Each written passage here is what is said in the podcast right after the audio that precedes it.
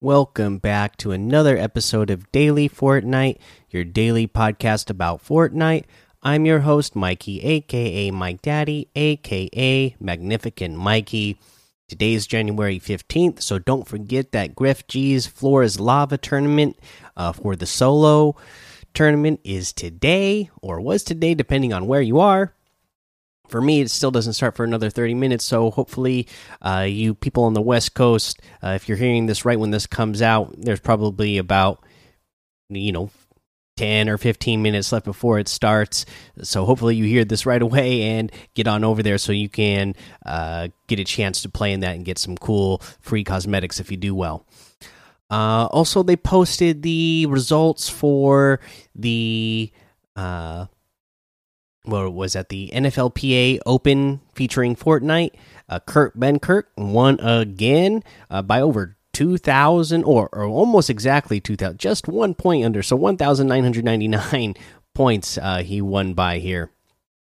He was first. Avonte Maddox was second. Uh, Jacob Burt third. Malcolm Elmore fourth. James Daniels fifth. Trey Quinn sixth. Ricky Lovato seventh uh, Corbin Kaufusi eighth, Mike Evans ninth, and Logan Wilson was tenth. Uh, so some fun stuff there. Hope you guys uh, tuned in to check some of that stuff out from from those players. I uh, just wanted to mention that uh, also tonight is the Friday night bragging rights trios tournament. So uh, hopefully everybody around the globe has uh, you know competed in that. Again, I just think that's a really cool thing to do and uh, a, a, chance for people to uh, get noticed who who haven't been noticed up to this point, who are trying to come up on the scene. Uh, let's see here. What else do we got here? I think that's all I got for you for for the news. So let's go ahead and talk about some uh, of the challenges, right? So let me look real quick. I don't remember if we went over all of the strong stealth the not the stealthy stronghold the the challenges for uh the secret skin i can't even remember what the quest line is called because i don't so see it coming up separately here in my uh, in my challenges. But one of them that you can do is uh, the one where you need to visit the three characters. I can't even remember their names. It's like uh, Remedy, Beef Boss, and another one. Anyways, uh, to visit all three of them, you're going to go just north of Pleasant Park. There's a couple of hills that are north of it uh, that have uh, one of them has a food truck, and that's where you got the beef boss. But just before that, just south of that, that's where you're going to run into Remedy. And to the east, on the big hill there, inside the house, there's the other character that you're supposed to talk to in that house there.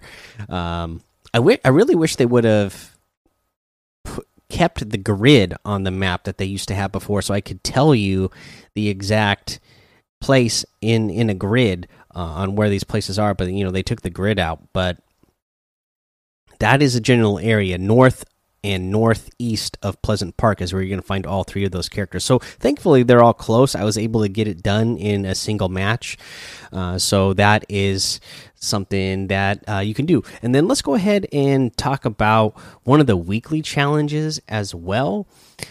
Uh, let's see here. You need to visit houses in Slurpy Swamp in one match. And again, I really wish we had the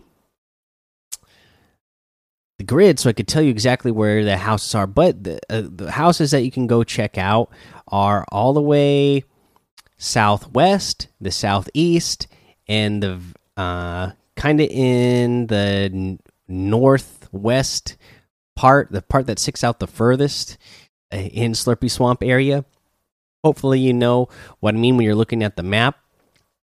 Uh, the what it I know they changed that down there on the lower end of the map. I think that's Flush Factory. But one of the houses in Slurpy Swamp is just north of that, and then you go directly west from there, all the way to the edge of Slurpy Swamp, and that's where you're going to hit the second house, uh, and that's probably the easiest path to take, uh, and they're close to each other. Uh, so yeah, there is that. There's your challenge tip. Uh, let's go ahead and go on over to the item shop for today. In the item shop, we have the Rapscallion outfit with the Burgle, Burgle bag back bling for 1,500. I feel like we see this outfit in here all the time. Some let me know if they feel that way too. I feel like this one's in here all the time. Uh, we got the King Flamingo outfit for 800, the Blue Shock wrap for 500, the Toasty emote for 200, the Bold Stance emote for 500, the Deep Dab emote for 200. Uh, we have the Echo outfit with the True Reflection back bling for 1200, the Inversion Blades harvesting tool for 500, the Echo Jet glider for 800, the Echo's wrap for 300, the Slurpentine outfit with the Blue Heart backbling for 1500. This is another one that I'm a big fan of. The Professor Slurpo outfit with the Slurp Jet back bling for 1500. Uh, I just like this guy a lot too. Uh, let's see here. The Drip Axe harvesting tool for 800. Uh, and then we have one of my favorites, the Dark Bomber outfit with the Dark Bag back bling for 1200. The Thunder Crash harvesting tool for 1200 the Dark Glyph glider for 500, the Omen outfit with the Battle Shroud backbling for 2000, the Oracle Axe harvesting tool for 1200, the Fate outfit with the Ominous Orb backbling for 2000, the Faded Frame harvesting tool for 800, the Split Wing glider for 1200. You can get any and all of these items using code Mike Daddy M M M I K E D A D D Y in the item shop, and some of the proceeds will go to help support this show.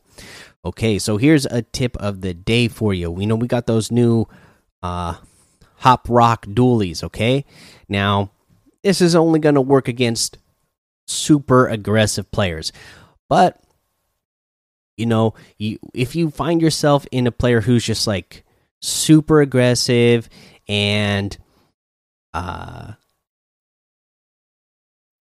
what what do I say? I guess I guess these players are known as sweats, right? So if you find yourself going up against a, a, a player who's super sweaty and they are just building like nonsense and they keep going up, if you happen to have the Hop Rock Dualies you should bait that person, okay? Get them to build up. You keep kind of, you know, maybe not ever actually go above them, but pretend like you're trying to get above them and bait them to keep going higher and higher and higher. That way, when they get up to a certain point where you know you can drop down real quick and take out the builds easily, you can just jump off, shoot the hop rock dualies so that you won't take any fall damage by the time you drop and hit the ground and then just take out the couple of builds that that are down there on the bottom and have that player uh, their death I mean that that is uh, something that you can do uh, if you have that. Uh, something that is again funny to do. Uh, you know, I always find it satisfying when a uh, a player who just like is building nonsense. You know, when when you know they're they're double ramping, triple ramping at you, and it's like, okay, whoa, dude, I, I didn't even see you coming yet, and you're already going crazy with it. Uh, I, I, I, I'm always really satisfied eliminating those players, especially in a in a silly way like that. All right, guys, that's the episode for today. Go join the daily Fortnite Discord and hang out with us. Follow me over on Twitch, Twitter, and YouTube. It's Mike Daddy on all of those. Head over to Apple Podcasts, leave a five star rating and a written review for a shout out on the show. Make sure you subscribe so you don't miss an episode. And until next time, have fun, be safe, and don't get lost in the storm.